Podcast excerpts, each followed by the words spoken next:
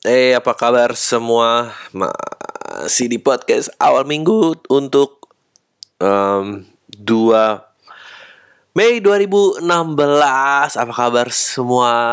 Masih bareng Adriano Kalbi di sini. Men Gimana? Apakah kalian uh, Ikut turun ke jalan Dan merasakan Perihnya perjuangan Masyarakat proletar yang tergabung dalam May Day ini, Hari Buruh. Hah? Apa kalian cuma menjadi orang-orang yang judgmental karena kantornya udah ber dan dan komplain tak ini tiap tahun orang demo bikin macet aja. Hah? Apa kalian termasuk bagian orang-orang yang tak berempati itu? Men, gue salut sih sama um, persatuan buruh ya. Dia bisa ini Actually I'm not feeling really well. Gue udah dua minggu sakit. Dari kemarin juga lo bisa denger suara gue Tapi apa? Tapi Tapi Ya demi mengejar ketenaran semua ini Gue harus tetap konsisten. Nyapa-nyapain lo Semua gak tahu apalah. Eh menurut lo Gue udah di titik yang uh, Akan menjadi sebuah tragedi nasional belum Kalau tiba-tiba gue tuh mati ya tiba-tiba ada yang di wawancara-wawancara pendengar podcast gitu sumpah ya aku tuh kemarin baru banget denger podcast awal minggu dan dari situ dia udah bilang sih dia sakit tapi aku gak nyangka dia bakal jadi seperti ini gitu. mungkin ya, ya ya kayaknya itu ya kayaknya menjadi legend tuh emang harus di titik ketenaran yang tepat gitu kalau enggak sih uh, kalau nggak tenar ya mati ya nggak ada peduli ya udah kita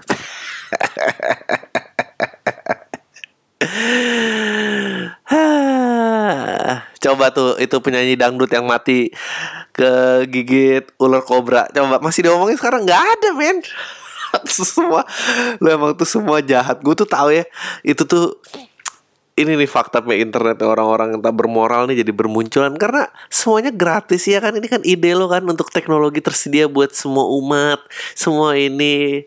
Nah, akhirnya ada orang mati gigit kobra bukannya sedih. Itu lu pasti gue yakin 75% yang nyebarin itu tuh pasti pengen ketawa kan? Nggak nggak berempati kan? Ah orang dasar nggak ada hatinya lo semua. Ada seorang komedian nanyain bikin video nanyain ukuran pakaian dalam anak-anak kecil pada marah. Ya lo yang mau teknologi tersedia buat semua orang. Ah, siapa suruh?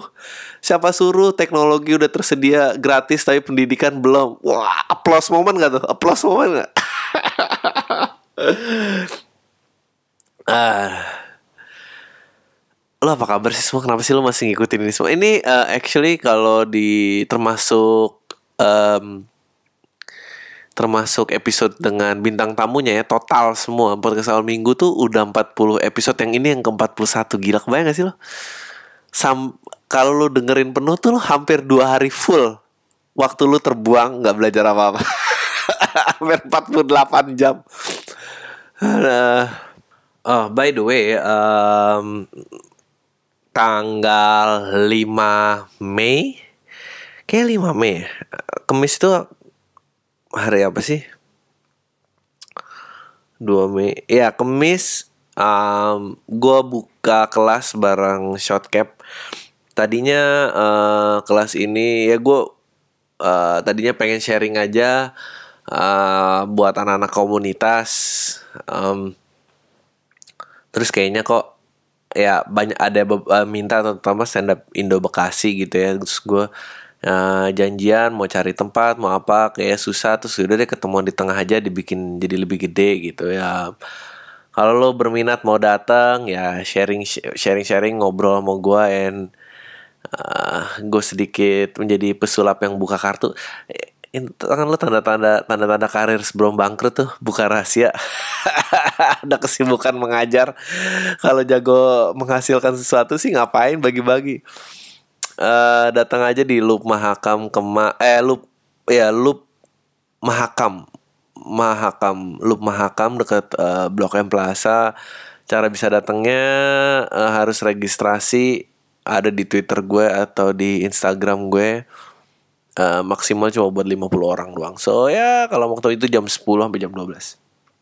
Terus um, bulan Mei uh, actually gue pengen uh, tanggal 21 ya di Pavilion 28 uh, gue bikin stand up show kecil-kecilan. Biasalah gue mah kecil-kecilan terus. Uh, dibuka sama Awe sama Gilbas. Uh, buat yang udah nonton Talk of Life nggak usah datang lagi lah. Karena ya mungkin 80% lah. Sama mungkin gua akan coba 1 2 3 joke yang baru tapi kebanyakan dari situ. Kalau lu udah pernah nonton gue di Jumat Keramat ya mungkin ada 30% dari situ. But you know kalau lu belum pernah nonton gue atau lu udah lama gak nonton gue please come. You know I'll make your money's worth. I'll make you laugh. We'll have a good time. Hmm, cara mesen tiketnya ada di Twitter dan Instagram gue. so far kayaknya tiketnya udah hampir habis ya, udah lewat setengah lah kan cuma 80 orang. Gue sih rencananya um, seling-selingan aja tuh ya. Talk of Life juga kayaknya akan jalan lagi, akan manggung lagi. Ya kalau Talk of Life ya bareng mereka kalau gue gue show-nya sendiri aja. Uh, gue kayaknya akan banyak booking tempat-tempat kecil aja sih kalau bisa rutin setiap sebulan atau dua bulan. So if untuk tahun ini ya materinya akan itu terus posternya juga gue rasa nggak akan ganti check it out gue gue juga berusaha ini bawa ke keluar kota tapi nggak tahu beberapa ada yang nyambut ada yang nggak nyambut ya kita lihat aja lah gimana um, ya yeah, ya yeah. so so please come um, gue itching to do stand up uh, ada satu dua hal yang baru atau udah lama nggak gue tampilin will be there Um, so mungkin semoga kalau ini lancar akhir tahun atau awal tahun I can make my own hour. Uh, ah, we'll see lah. Ini harus dari mulut dari ke mulut banget. Um, anyway, gue kan nggak biasa ngecek pertanyaannya sebelum gue mulai. Tapi kayaknya ada satu dari SFM nih yang yang nangkep perhatian gue banget dan gue akhirnya uh, mutusin kayaknya ini akan jadi topik hari ini gitu uh, akhir-akhir ini terutama ya kayak uh, banyak banget yang minta pendapat gue lah tentang sebetulnya intinya gue tahu sih kalau udah pada nanya-nanya gini sebetulnya uh, mereka berusaha gue sebagai praktisi komedi di tanah air ini untuk bilang ah katro emang tuh yang ada di Indonesia gitu gitu kan rencana lu sebetulnya lu pengen bilang ah, emang itu semua katro bla bla bla bla bla bla terus gue jadi orang gila sendirian padahal terkenal nggak pernah. Gue gue nggak nggak pengen kayak gitu. Gue pengen uh, ya nanya lah kok tanggapannya gimana ini supply and demandnya apalah sekarang apa semua jadi sampah kayak gini gini gini. Oke ini, ini gue pengen bahas ya. Tapi gue pengen ngebahas dari point of view pasar atau marketing gitu biar biar semua tuh ngerti gitu biar semua nggak cuma uh, nge, kayak mau ngatain dan apa gitu. Karena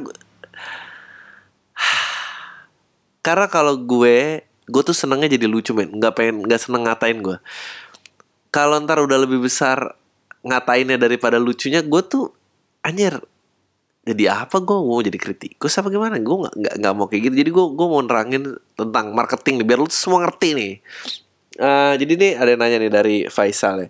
Halo Adri penasaran nih sebagai praktisi di industri komedi tanah air, menurut lu kondisi supply demand industri komedi di tanah air sekarang gimana sih? Lagi oversupply nggak? Kalau jawabannya di PAM bisa lebih kom uh, kalau bisa jawabnya di PAM deh biar bisa lebih komprehensif. Thanks.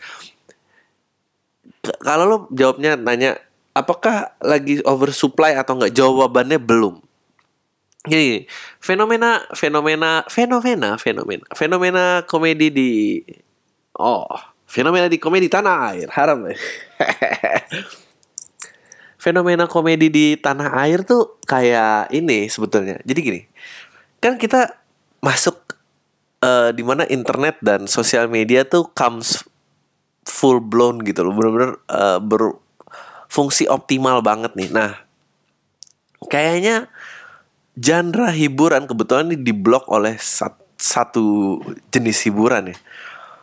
Jenis hiburan yang benar-benar bisa memanfaat yang pinter memanfaatkan sosial media dan internet itu benar-benar para stand up comedian gitu.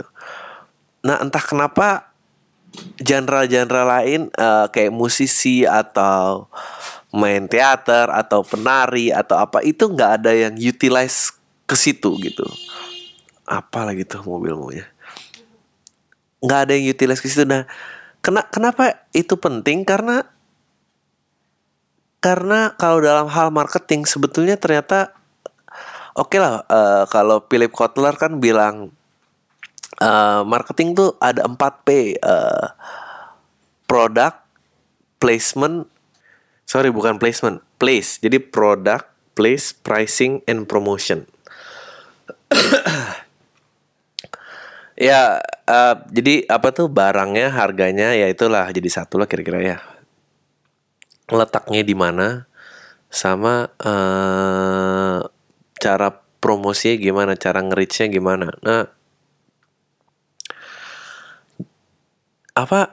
Jadi dalam cara nge pro, promotion tuh kan cara nge market atau cara mempenetrasi market atau apa. Nah, gue nggak tahu kenapa uh, orang-orang yang main musik mungkin ada lah komunitasnya gue juga nggak nggak nggak mungkin kayak um, gue tahu uh, Enda Endresang bisa nge-reach audiensnya um, Bara Suara, Komplok Menerbang Roket Maksudnya mereka tuh yang uh, Seringai juga gue rasa gede gitu. Uh,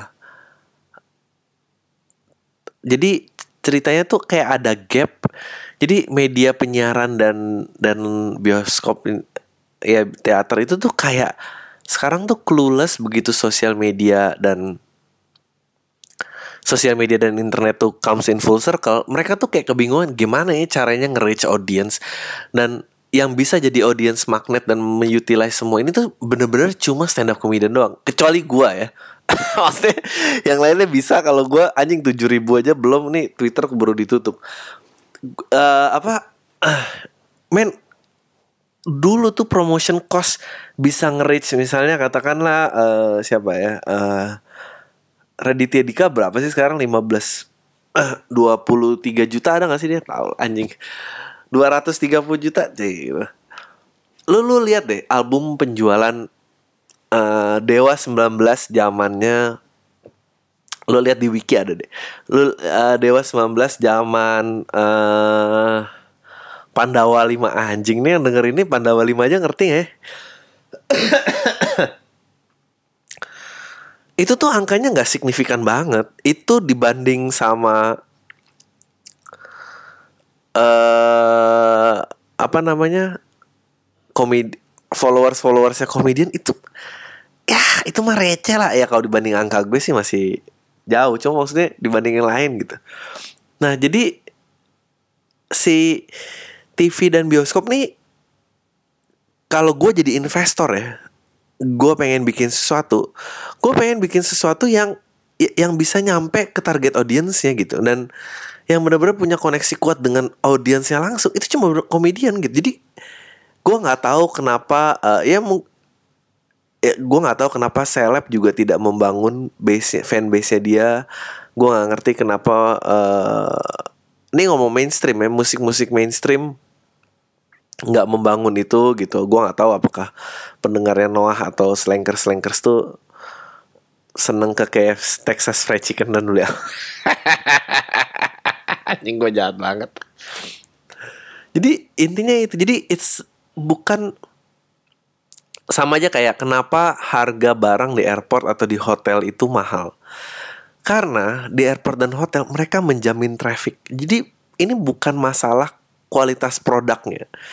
Ini apakah produk yang lo taruh ini bisa generate traffic? Itu yang itu yang um, yang problematik gitu. Tapi kalau gitu kenapa uh, tahun 90-an tuh musik bisa keren, film bisa keren, uh, semua dia tuh bisa bikin film kayak Cool Desak atau album Dewa. Ini mainstream ya ngomong mainstream jangan ngomong nggak mainstream. Kalau ngomong nggak mainstream pasti selalu ada. Dewa 19 tuh Pandawa 5 semuanya ngedrugs bikin hop, musik yang kayak gitu lu punya band-band kayak Club Project apa segala macam kenapa jadi uh, kenapa bisa sampai titik itu gitu nah jadi ceritanya oke nih nah ini ini, ini biar ka, kalau market itu keadaannya penuh baru product differentiation tuh penting gitu.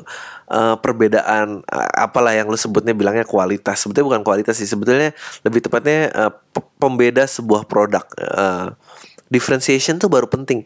Kalau traffic kalau traffic di marketnya belum penuh, nggak nggak penting men, nggak penting perbedaan itu nggak penting. Jadi kayak misalnya lu di Bekasi nih, lu punya uh, jualan kecap gitu ya. Lu bilang ya lu lu kecap. Gue kalau gue misalnya uh, di mana yang jauh ya? Bogor atau Depok gitu. Gue jual kecap yang sama. Eh bodoh amat. Nggak penting gitu ya. Udah karena kita nggak bertubrukan nih.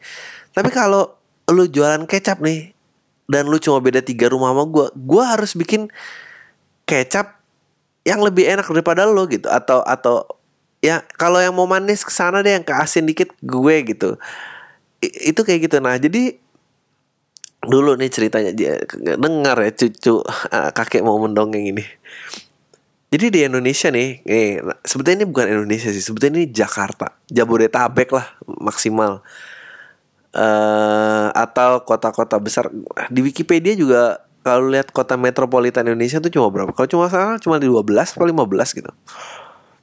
Nah, bayangin dulu kota-kota itu dulu nggak ada kalau lu ngomongin uh, Indonesia. Yang ada tuh cuma Jakarta atau Jabodetabek lah. Bekasi juga belum ada kali. Maksudnya dalam artian belum ada belum mempunyai daya beli gitu.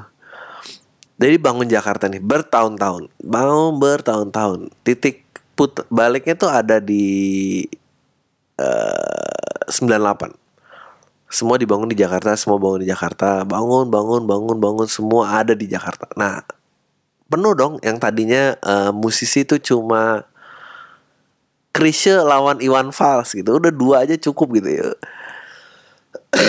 Misalnya, nah dua itu nge-reach Jabodetabek gitu.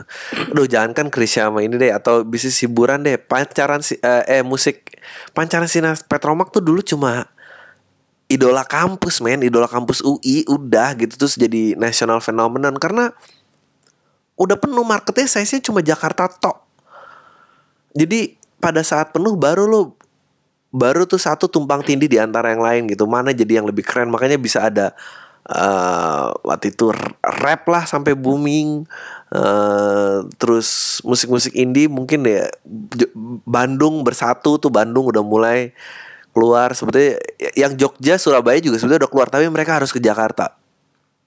Karena sebelum 98 uh, eh, di luar Jakarta nggak punya kebebasan media jadi ini ini emang gilanya pemimpin orde lama nih. Eh orde lama orde baru. Nah kan pada saat penuh of course kualitas harus menjadi jawabannya gitu. Makanya lo sinetronnya sidul anak sekolahan uh, apa dulu tuh dua orang yang loper koran terus atau uh, keluarga cemara yang bener-bener bener-bener acting dan um, acting dan eksekusi tuh menjadi sebuah hal yang wah gitu. Nah, abis 98 ini terjadi kebebasan media nih. Daerah-daerah punya otonomi daerah masing-masing. Nah mulailah daerah-daerah ini menunjukkan oh bahwa sebetulnya kita juga kalau nggak sumber daya alam dan pajak dan segala macam dikeruk sama Jakarta, daerah-daerah lain ini bisa maju gitu. Daerah-daerah lain ini punya punya punya daya beli. Nah begitu daerah-daerah punya daya beli, kan pasarnya melebar tuh, ya kan? Nah kayak yang gue bilang tadi kalau pasar melebar, kualitas tuh bukan jawabannya. Kualitas yang pen, eh, yang yang penting tuh karena masyarakat karena yang baru itu dikasih kalau dia pertama kali ngerasain kecap lu nggak nggak harus bilang nggak ya kecapnya nggak harus manis-manis banget gitu karena dia udah seneng kena kecap aja. Dan gue dan gue nggak ada maksud untuk merendahkan yang lain tapi essentially ini yang terjadi gitu. Makanya mulai booming kan tuh musik-musik kayak ST12 Peter Pan um, Apalagi sih yang era itu kan 98 2000 kan dulu banyak banget lah mus musik itulah yang yang apa uh, yang nggak bisa punya jambang terus jambangnya harus dipasang dipanjangin dari samping rambut tuh dijadiin jambang. Ya pokoknya personil bandnya kayak gitu semua lah ya karena eh untuk entry level mereka nggak perlu gitu. Kan dan juga kadang kualitas atau diferensiasi itu means production cost. Uh, dalam bisnis production cost yang tinggi bisnis itu aturannya gampang modal sedikit sedikitnya paling sedikit untung sebesar besarnya udah. Kalau modal jadi gede ini untung harus gede gitu. Kalau modal aja kecil gonjreng gonjreng studio band pakai uh, apa dulu merek gitar Spika eh apa? Bukan Spika mah merek Nintendo bajakan Uh, Prince Prince. Kalau pakai gitar Prince saja. Semua seneng eh ada gitar listrik. Ya udah pakai Prince aja. Biaya produksi turun semua gitu. Nah it, itulah yang terjadi. Nah terus uh, nah terjadi lagi adalah ledakan yang kedua setelah yang daerah-daerah yang punya otonomi daerah Jabodetabek dan uh, apa 15 kota metropolitan di Indonesia itu bisa punya daya beli, ya musik-musik inilah yang yang yang menjamur gitu. Nah, raja-raja dulu di Jakarta ya mulai kebingungan kayak anjing gue ke mana nih ke mana? Nah, makanya mereka mulai tenggelam lah, mulai nggak ngerti. Nah, ledakan ledakan pasar, perluasan pasar yang kedua menurut gue paling terjadi adalah pada saat pada saat market diluaskan oleh internet dan sosial media gitu. Makanya semualah ini timbul gitu. Nah ini kayak yang gue bilang tadi ya, kalau yes ibaratnya semua baru jualan kecap lah. Lo nggak perlu ada jual kecap kayak oh yang ini kecapnya ada irisan cabenya loh atau oh, kecap ini kalau lo nggak suka yang manis banget ini yang agak tawar atau itu semua nggak perlu dan ini akan masih nggak tahu sampai kapan titik mentoknya. Ah, terus per, karena penting banget yang namanya nge-reach market atau mempenetrasi market. Um, jadi benda-benda yang dulu mempenetrasi market mestinya nih urutan penetrasi market atau pembangunan adalah mestinya tuh kalau kalau tanda semua negara maju adalah pembangunan infrastruktur. Kenapa infrastruktur perlu dibangun? Ya karena ya nggak mungkin dong. Kalau misalnya gue mau beli obat batuk, obat batuknya cuma ada di uh, 20 kilo tapi 20 kilo nggak ada jalan ya gue nggak bisa beli dong. Mesti jadi lo harus bangun tuh jalanan infrastruktur gedung-gedung segala macam tuh harus lo uh, jadiin gitu. Nah kedua yang mempenetrasi karena abis itu kalau ada jalanan ada infrastruktur lo bisa merich market dengan apa? Dengan iklan di billboard iklan apa? Nah apa ya? Karena jalanan itu juga merupakan di, apa channel distribusi lu bisa bikin koran, lu bisa bikin majalah karena apa? Majalah dan koran ini jadi agen-agen yang nge-reach market-market tersebut. Jadi kalau lu ngiklan sesuatu itu semoga nyampe ke ta sasaran target lo. Nah, abis itu TV masuk ke rumah. Oh ya udah nih berarti nggak cuma orang nggak cuma bisa kita reach pada saat mereka lagi jalan di mobil di jalanan atau nggak cuma lagi belanja eh oh, lagi belanja lagi. Maksudnya lagi baca koran atau lagi baca majalah ternyata di TV udah masuk rumah. Ah, sebelum TV sebetulnya radio radio dan TV lah tuh berbarengan. Kita bisa penetrasi mereka melalui radio dan TV nah abis itu internet mempenetrasi abis itu mobile devices mempenetrasi. Penetrasi mobile devices dan internet ini luar biasa bahkan tingkatnya lebih tinggi daripada penetrasi kartu kredit. Makanya kartu kredit itu masih pakai sales sales yang di uh, pinggir jalanan. Masih ayo dong pak ini ini ini, ini platinum. Platinum nih pak. Limitnya 40 juta plat kasian ya Indonesia tuh dagang kartu kredit platinum limitnya 40 juta. Platinum 40 juta tuh ya karena demi biar angka naik aja. Nah tapi yang sedih dari Indonesia ini adalah mobile devices itu kan murah banget lah ya. Maksudnya lu bisa dapetin dari harga 500 ribu sampai tak terhingga 200 ribu. Nah karena seolah-olah kita sudah merich market itu udah termasuk hitungan masyarakat yang bisa diikutkan dalam perputaran roda ekonomi. Padahal pembangunannya nggak ada. So what happen adalah lu BTS udah nyampe daerah terpencil tapi akses jalanan atau rumah sakit tiang listrik kabel telepon itu nggak ada so inilah yang yang kebalik-balik gitu. Inilah yang uh, jadi akan ada nih di suatu daerah yang mestinya dia turun temurun itu apa bajak sawah dan itu profesi yang ternama di daerahnya dia. Dia merupakan keluarga terpandang menyediakan lahan sawah buat masyarakatnya atau mungkin ber, berprofesi sebagai nelayan dan itu diturunkan turun temurun yang ternyata orang-orang itu mendapatkan mobile devices, oke? Okay? Nah, yang gue sering concern adalah apa yang terjadi dengan anak yang di daerah seperti itu tapi punya passion pengen jadi vlogger. ya mempenetrasi market bukan berarti marketnya itu mature gitu. Makanya ini tuh semua ya kan ya tapi ya kalian nih netizen netizen inilah yang pengen uh, tek teknologi harus buat semua orang meng. Kita tuh sharing Indonesia tuh udah maju. Ya apa apa iya gitu maksudnya? Ah. Kalau gue tuh lihatnya nggak gitu. Yang penting tuh orang tuh makmur dulu gitu. Ada kebangga sekarang gimana caranya mendidik anak untuk meneruskan pak nak kita nih keluarga yang lumayan dihormatin loh. Gara-gara kita selalu menyediakan bahan makanan buat satu kampung ini. Kamu terusin dong pekerjaan bapak. Sama dia udah ngeliat, ya tapi di YouTube nih ada yang ngomong kamera modal bahasa Inggris bisa. so, ya.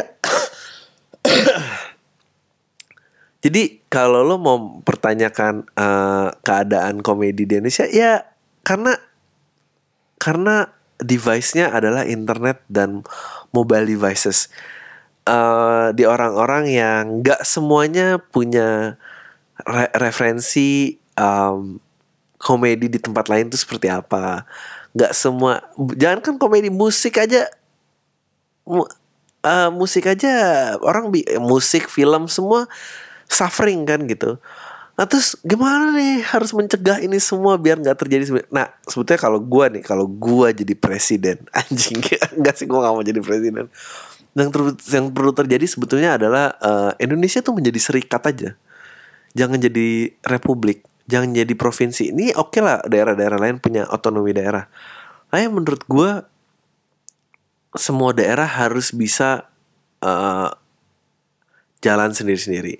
Ya emang sebut ya orde baru sih bukan orang-orang Jakarta ya orang-orang Jakarta sih nggak nggak nggak semuanya bersalah tapi ya orde baru mengorok dan memusatkan di Jakarta ya udah oke okay lah. Yang mau dibalikin juga bingung gimana cara membalikin ya gue juga nggak ngerti.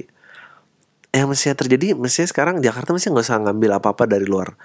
Yang di Jakarta udah bertarung aja sama orang Jakarta. Lu mau bikin dangdutan? Nah lu dangdutan datengin orang Jakarta. Lu main musik lu marketnya orang Jakarta lu bikin film lu orang Jakarta. Udah yang Jakarta nggak boleh dagang di luar yang di luar juga nggak usah masuk dalam. Yang di luar di luar harus bisa jadi rajanya di daerah masing-masing. Dengan kayak gitu baru kita bisa gitu nggak curi sekarang juga kalau kalau lu yang komplain dengan kualitas dan segala macam feeling gue sih lu kebanyakan pasti juga di Jabodetabek yang terekspos dengan pada saat Indonesia tuh uh, di situasi yang marketnya tuh cluttered, marketnya tuh penuh. Nah, um, eh cuma kita kayak kalau kita komplain masalah-masalah kayak gitu, uh, ya udah ya kita kita aja yang bikin tontonan dan buat kita juga gitu. Sekarang juga kan TV semua di Jakarta. Nah ini juga TV ini salah satu yang yang ya gue pernah bahas sih kalau nggak salah yang bahaya gitu karena ya kayak tadi kualitas tuh meaning production cost kan gue sebagai korporasi lu pengennya untung yang sebanyak banyak ya dong gitu. Ya semua di Jakarta tapi mereka nggak bikin siaran buat Jakarta. Dan Jakarta tuh udah dilepas dari tahun 98 sekarang net aja baru masuk tahun berapa dan itu struggling loh untuk keep up dengan uh, demand orang-orang Jakarta atau yang udah terbiasa gimana uh, yang udah terbiasa kayak oh gue harus nonton gue biasa nontonnya Netflix nih gitu atau gue biasa nonton TV series di dari DVD bajakan dan segala macem. Ada pentingnya uh, untuk membatasi referensi karena uh, kalau enggak nanti yang terjadi juga kalau di daerah tiba-tiba ada penetrasi internet atau ini ada yang bilang uh, masyarakat uh, eh masyarakat pasar ada yang gue gue mau jawab juga nih sekalian ah mati gue nih lama-lama?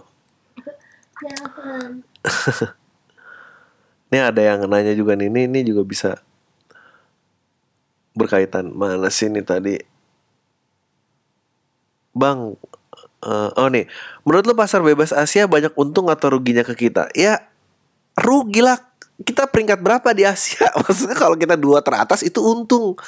Kalau bergabung sama sesuatu banyak anggota yang lebih ngenes daripada kita itu itu baru untung. Kalau kita yang bawah mah kita nggak untung. Karena yang ada masyarakatnya nanti mengenal uh, kompetisi gitu atau mendengar produk yang udah berbeda gitu.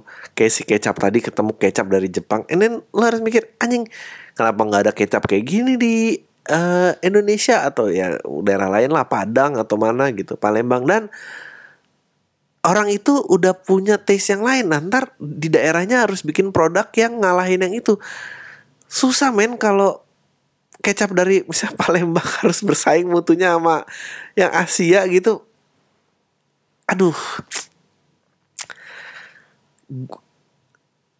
Gue ya gue nggak mau menurut gue agak jahat sebetulnya kalau itu sama aja kayak uh, yang Jakarta nguasain yang daerah yang daerah nggak nggak bisa nguasain daerahnya sendiri. Itu pasar Asia tuh kayak gitu gitu. Ntar yang ada daerah yang lebih maju nguasain kita. Kita tuh kalau mau gabung sama kayak inilah. Kalau lo jadi cewek kalau lu nggak cantik cantik amat temen geng lu cari yang jelek semua gitu. Maksudnya biar lu yang paling nonjol gitu.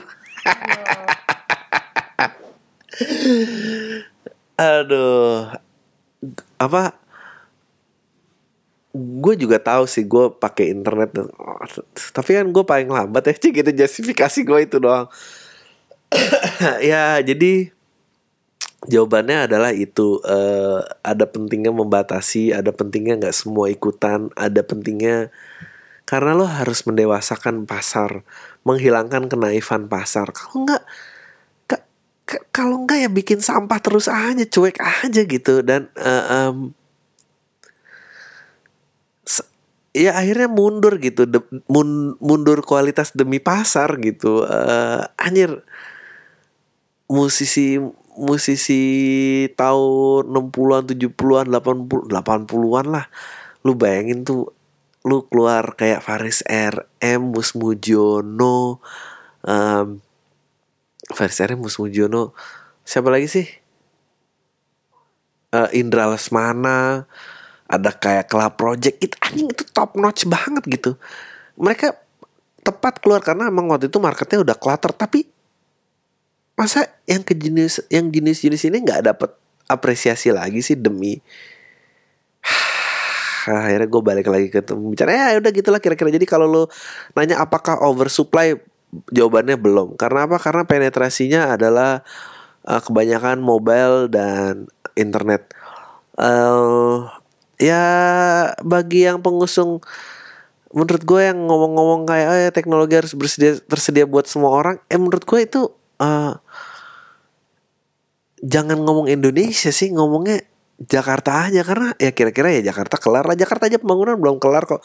Tapi ya oke okay lah kalau masih mau diikuti dengan internet dan segala macam. Tapi kalau lo ngomong Indonesia gitu listrik nggak nyala tapi dia pegang handphone nggak mau jadi nelayan terus mau jadi youtuber ya lo makan itu. Udah aku mau bahas pertanyaan aja. Kira-kira gitu ya jawabannya. Puas ya? Anjir. Macam tahu. Misalnya, sebetulnya itu nggak ada benernya sih gue nggak tahu itu hanya spekulasi gue tapi gue yakin nggak salah salah amat um, langsung aja ya baca yang pertama. Nama nggak usah dibaca bang. Halo bang. Gue akhir-akhir punya permasalahan yang temen gue curhatin ke gue dan gue rada bingung jawabnya. Coba lo jawab.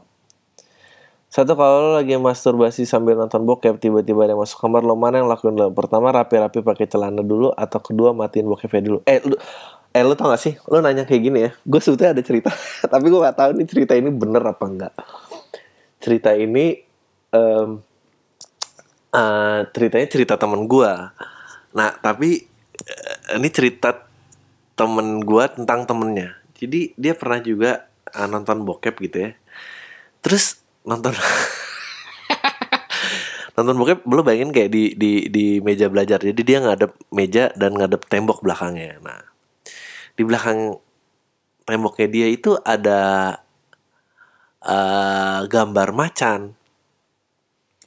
Terus pas dia ya itu lah dikira nggak ada orang di rumah dan segala macam jadi dia, mulai aku ya udah masturbasi gini. Terus tiba-tiba ternyata lupa dikunci bapaknya ngeliat jebret. Terus dia langsung banting tutup laptop kan jebret. Terus dipanggil misalnya namanya siapa uh, Tono. Ya duh gue maaf ya kalau ada yang namanya Tono. Tono Tono kamu lagi ngapain sih? Dia tuh saking takutnya dia diem aja. Diem aja. Terus bokapnya lama sadar oh ini orang lagi ini nih in his private moment akhirnya bapaknya biarin aja kan jadi karena laptopnya tertutup jadi bapaknya tuh ngelihat dia itu dikirain stimulannya adalah gambar macan tadi sumpah Sumpah tiba-tiba dibawa ke rumah sakit jiwa loh. Dan dua tahun dan dua tahun dia konsisten gak mau buka kartu itu. Dan pas keluar baru cerita sama temen gue. Ah, tapi kayaknya bohong ya. Gak tahu kenapa. Um, mana yang lo lakuin? Rapi-rapi pakai celana dulu atau kedua Iya matiin. Ya, Jadi ya seperti yang gue jawab tadi Orang tadi aja yang ada gambar macannya tuh pasti matiin bokep dulu. Temen gue baru aja ditolak sama cewek yang dia suka namanya karena nama dia sama kayak nama bapak cewek tersebut.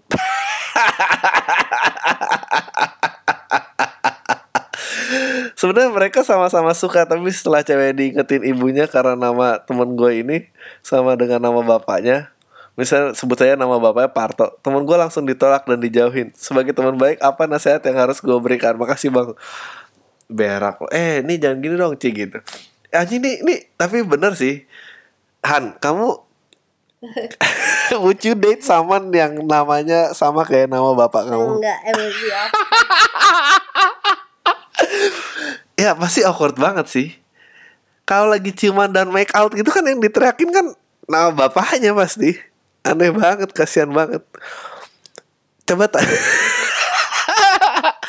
nggak tapi tapi bilang temen lu masa nggak ada nama panggilan sih? Atau bikin nama sayang gitu atau apa gitu? Maksudnya atau enggak kawin janji ganti nama lah atau bikin apa mau lah bisa. Coba lu kasih nasihat itu. Kasihan men itu beneran deh kalau lagi make out terus jeritnya nama kebayang bapaknya kasihan ceweknya sebetulnya mengerti lah jadi temen lu suruh mengerti aja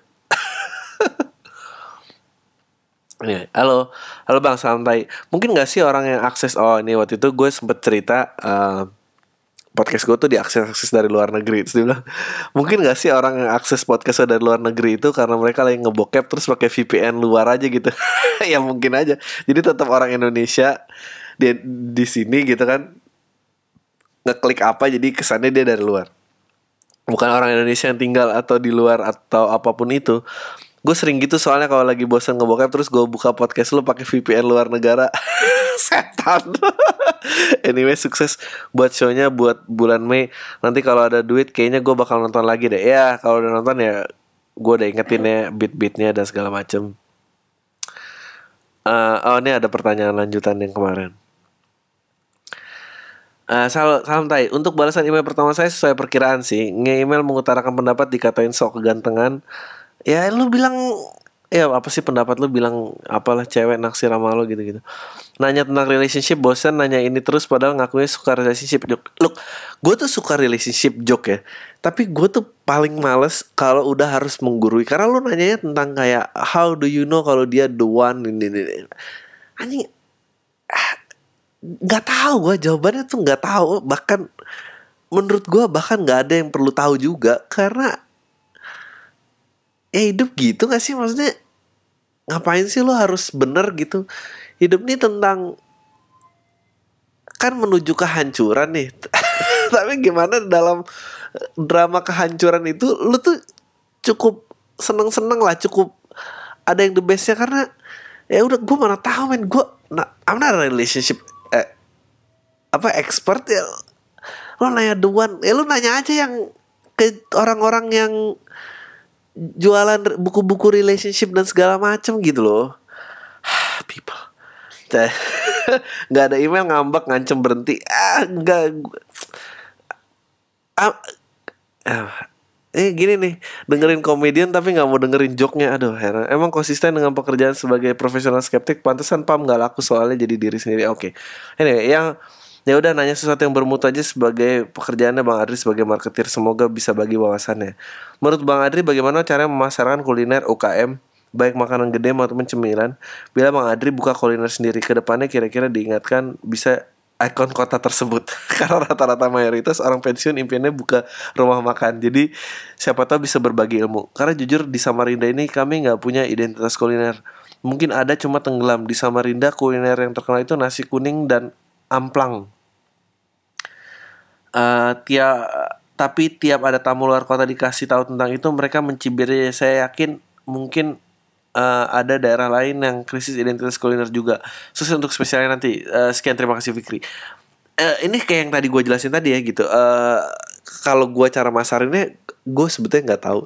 Tapi yang jelas, uh, yang mesti lu tanya gitu kalau kayak tadi lu bilang uh, pasar bebas Asia atau ASEAN atau apalah segala macem lu pernah gak sih mikir kalau di Jakarta nih ya gue gak tahu ke tempat lain kayak, Jakarta tuh kita ada GM ada STLR 77 ada ada Bobere kenapa nggak yang itu yang jadi pizza hutnya atau jadi burger kingnya atau jadi KFC-nya kenapa nggak itu gitu? Um, gue tuh bukannya anti luar negeri enggak tapi gue senengnya kalau yang lain-lainnya tuh makmur. Sama kayak kalau Samarinda punya kayak gitu ya menurut gue uh, lu jangan ngandelin turis sih. Lu mesti harus bisa ngejual makanan itu uh, pokoknya lo harus bisa jadi raja di daerah lu sendiri deh gitu. Tapi susahnya itu kalau uh, turis udah datang udah pernah ngerasain yang lain lidahnya ini itu udah udah jadi banyak referensi jadi susah gitu. I don't know I don't know what to answer. Sorry Afrika lu tuh kenapa sih harus gue sorry so ah nggak tau gue harus sorry ya sama lo karena lu tersinggung. Nggak karena nggak ada jawabannya duan itu. Anyway Bang gue kemarin denger podcast lo itu tuh tiba-tiba gue keinget kalau pernah denger teori Darwin itu untuk kepentingan politik. Gue sih bukan tipe orang yang religius um, Karena denger sumber ini dari Youtube Harun Yahya. Tapi gue bahasan ini cukup menarik bang. Menurut lu gimana? Thanks bang. Tap pokoknya. Uh, evolusi Darwin tuh ya gara-gara nggak tahu ya kalau tentang politik apa enggak tapi yang jelas ada fenomenon yang nggak bisa dijelasin uh, itu namanya the anomaly ya yeah? nature anomaly phenomenon? Ah nggak tahu lah. Pokoknya kayak gitu. Dalam dalam setiap event ada ada selalu ada anomali itu. Oke. Okay. oh ini menarik nih. Menurut lo lebih bahaya mana antara bokep dan narkoba? Apa sih tujuan orang nyimpen bokep selain buat edukasi gaya yang aneh-aneh. Rata-rata sih orang nyimpen bokep tujuannya buat bahan. Ya oke. Okay.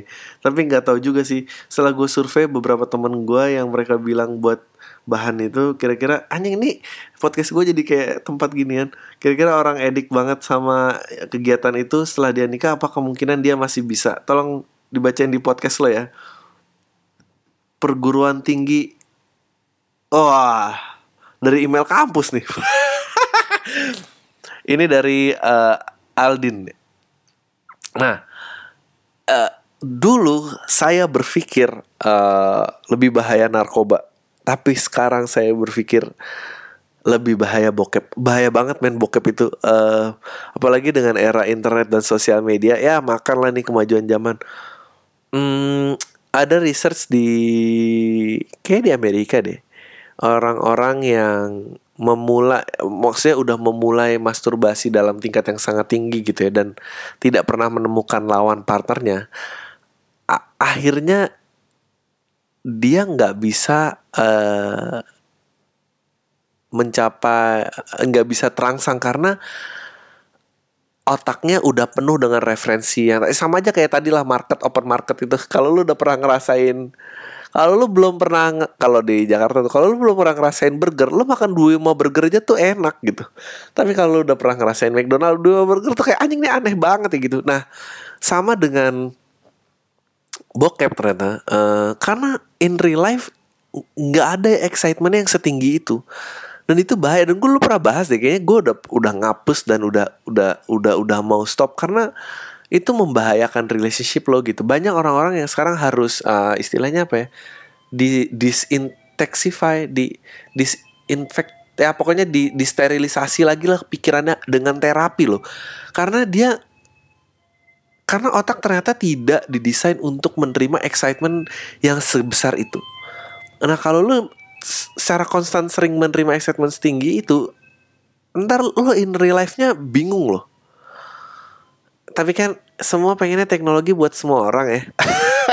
Gue akan bolak-balik karena gue pernah disindir gara-gara ada yang ngasih gambar teknologi buat semua orang tuh biar semua bisa mem, uh, apa memperjuangkan kemakmuran ya iya to some extent iya. Tapi aduh ya jadi dan sedangkan narkoba narkoba tuh um, ternyata uh, banyak konspirasinya gitu ya. Kenapa semua itu kan sebetulnya hanya molecules in your brain uh, zat yang diambil. Betul ada adiksi dan segala macam tapi sebetulnya bisa diatur dan diregulasi secara bertanggung jawab. Tapi tidak pernah diregulasi dan gini obat-obatan obat-obatan terlarang itu menjadi terlarang karena di luar dosis kesehatan. Kita tetap butuh obat karena kalau dosisnya benar itu jadi obat yang baik gitu. Ah, anyway. Banyak omong banyak omong um, Halo Santai Dri. Lu nonton Horace and Pete Produksi Louis C.K. nggak? Ini sekalian rekomend TV series sih. Gak, gue nonton beberapa kali cuplikannya. Terus gue main blown banget dengan episode 7-nya itu. Kalau belum nonton lu coba tonton satu episode dulu deh. Di situ ada conversation bilang ya, Support LGBT itu cool ketika mereka berjuang untuk kesetaraan aja. Tapi real acceptance itu kalau seseorang bisa menerima orang lain sebagai individu yang utuh Tanpa melihat masa lalunya gitu.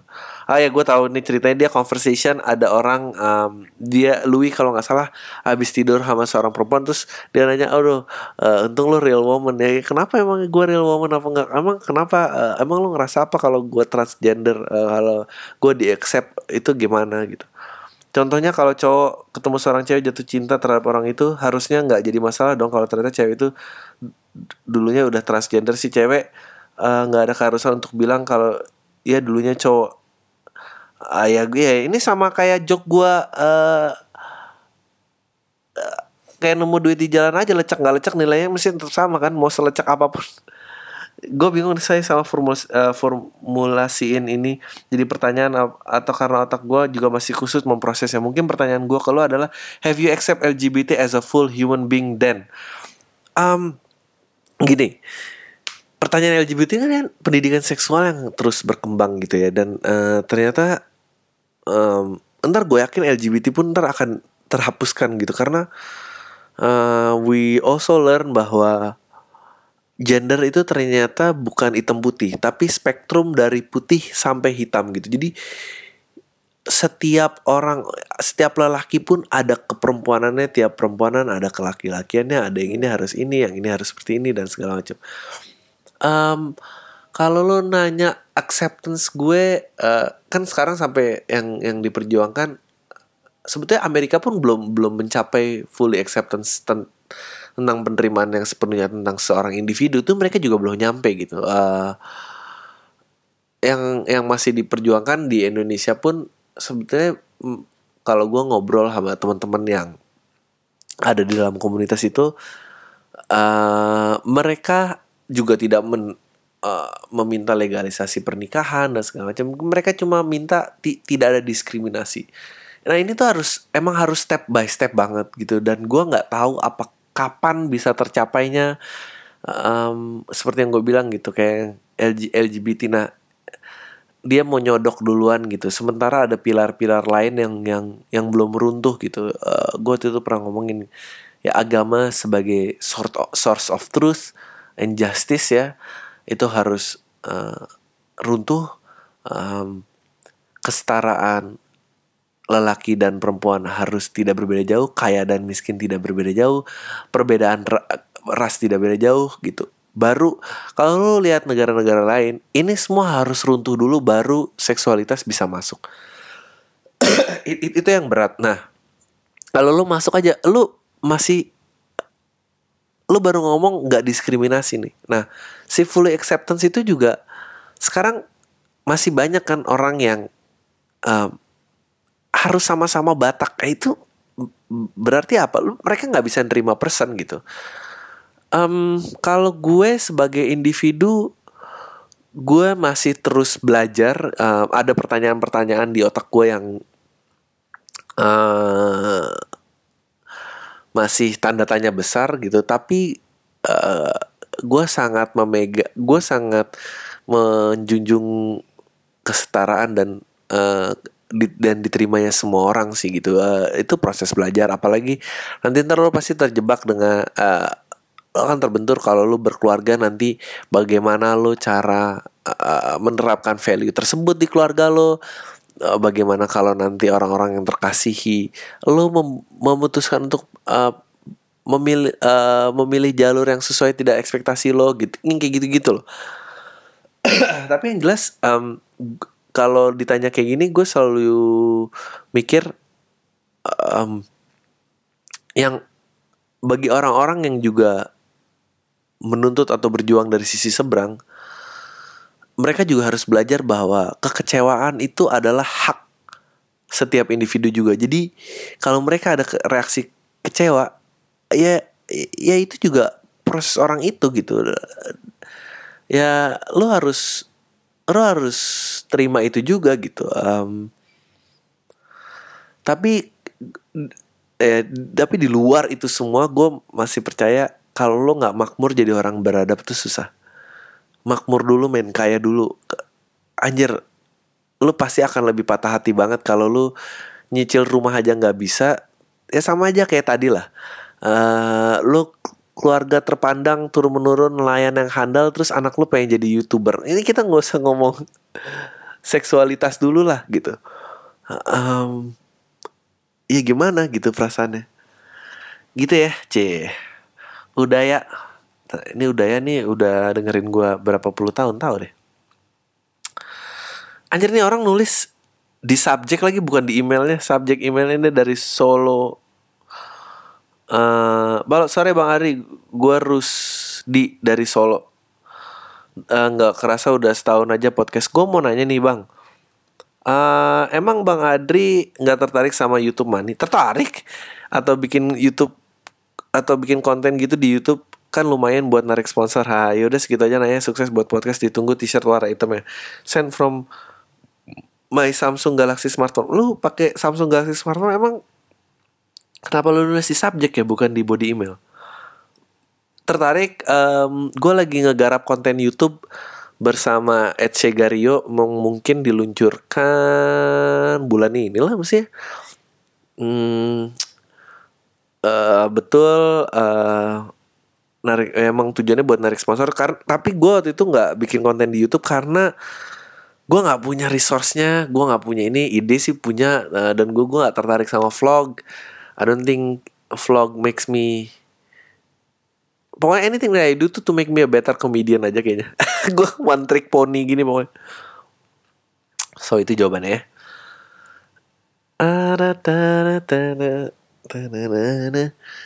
Hmm, Oke. Okay. um, Dari Abian.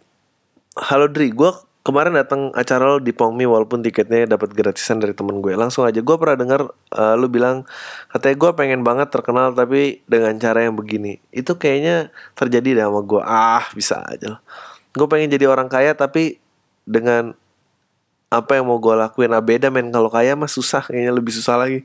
Selama ini gue kerja kantoran walaupun ada jabatan di sini tapi bukan yang gue mau. Lu perasaan begini nggak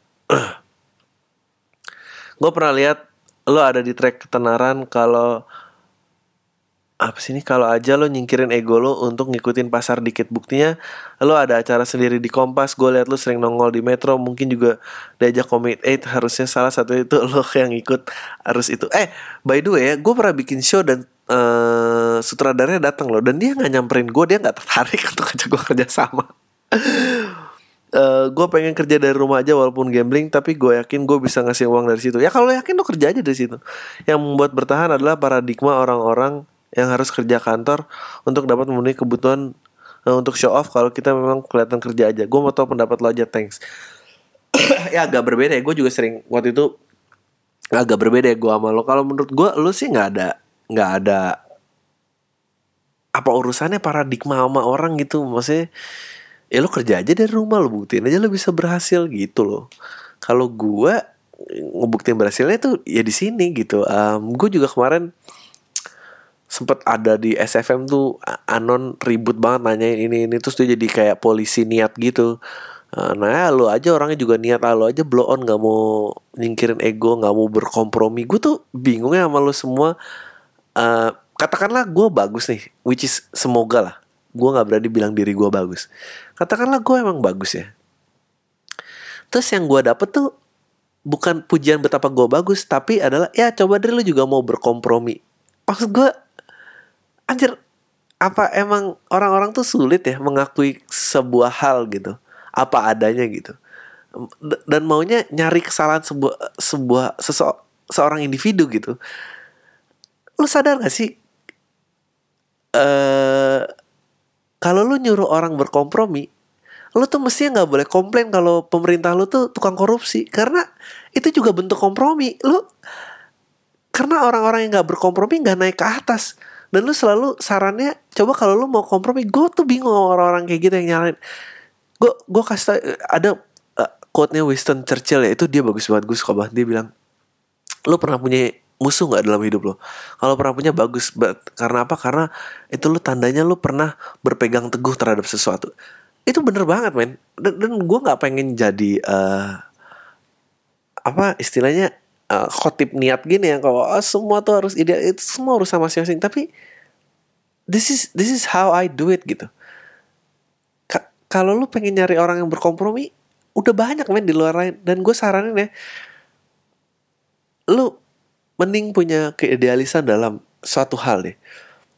Karena buat gue sejauh ini ya yang akhirnya gue ketemu dan akrab orang-orang yang idealis juga di bidang-bidang berbeda dan itu adalah orang-orang yang sangat menyenangkan. Mau bidangnya bukan komedi tapi mereka membukakan pikiran gue banget gitu. Oh, orang-orang ini ada ya karena ini aja bisa kenapa gua enggak ya karena ini? Jadi gue tuh bingung gitu kalau gue di bash karena gue nggak mau berkompromi gitu. Coba kalau lu sekeras ini terhadap pemerintah lo ya. Mungkin kita semua di negara yang lebih baik gitu. Hah. lagiannya ah ya nggak tau lah. Malas gue menjustifikasi diri gue. Anyway. Kalau pertanyaannya terus serius nggak dibaca di podcast nggak apa-apa. Oh, saya Agung dari Malang. Saya penasaran sesenang apa sih karya diapresiasi orang. Abang bisa sangat seneng pas di Talk of Life kemarin Panji juga seneng karena Nusantara Rap bisa sukses meskipun nonton juga nggak banyak dibanding stand up dia. Saya juga nonton pas di Malang tahun lalu uh, Kamga juga seneng banget pas launch album dekat di Surabaya pas saya nonton juga kelihatan banget itu kalian seneng banget meskipun nontonnya nggak terlalu banyak mungkin saya belum banyak berkarya jadi nggak bisa ngerasain tapi semoga bisa abang jawab dan bisa menginspirasi mengajak yang lain untuk merasakan hal yang sama dengan abang rasain kemarin. Maaf terus ya bang. Maaf ya send from my Yahoo Mail on Android. Ya karena itu karena hal yang lo kenapa kamu ketawa? Kenapa kamu harus bacanya send from? Ya seneng aja kadang some people eh, seneng mamerin handphonenya apa. Ya karena paid offnya itu gitu. Maksudnya sama kayak kalau lu eh, ini relationship nih joknya nih gue kasih tahu nih siapa namanya yang namanya kesel sama gue yang dari itu Fikri. Ya Fikri. Sama kayak lu kalau lu pengen pacaran sama orang lu pengennya di accept karena lu siapa kan? Bukan karena biar di accept aja kan?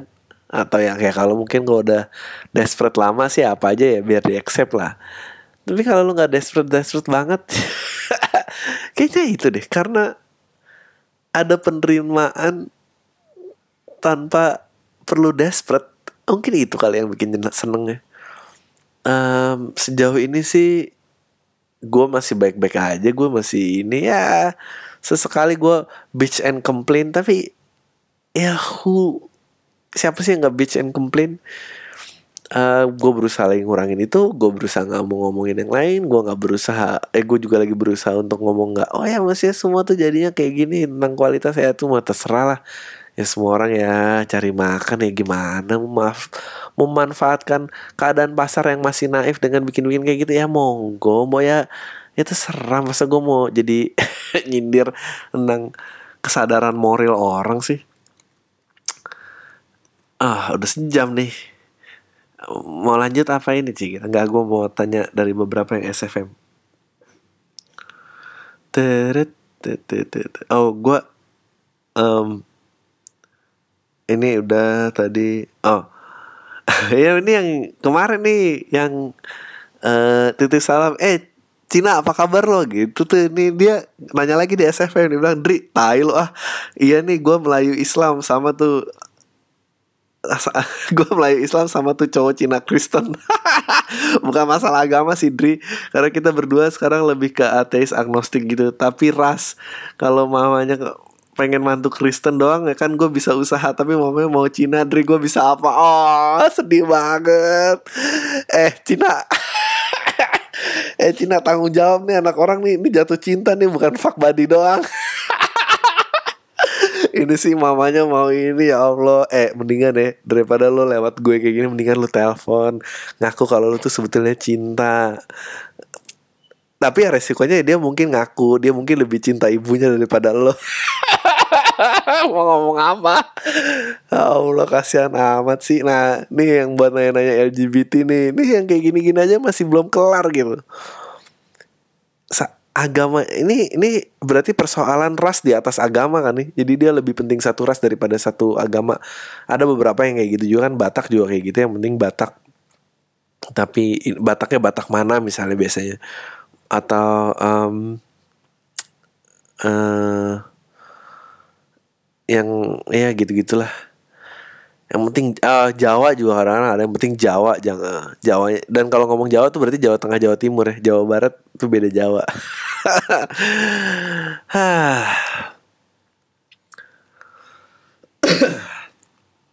Apalagi nih? Em,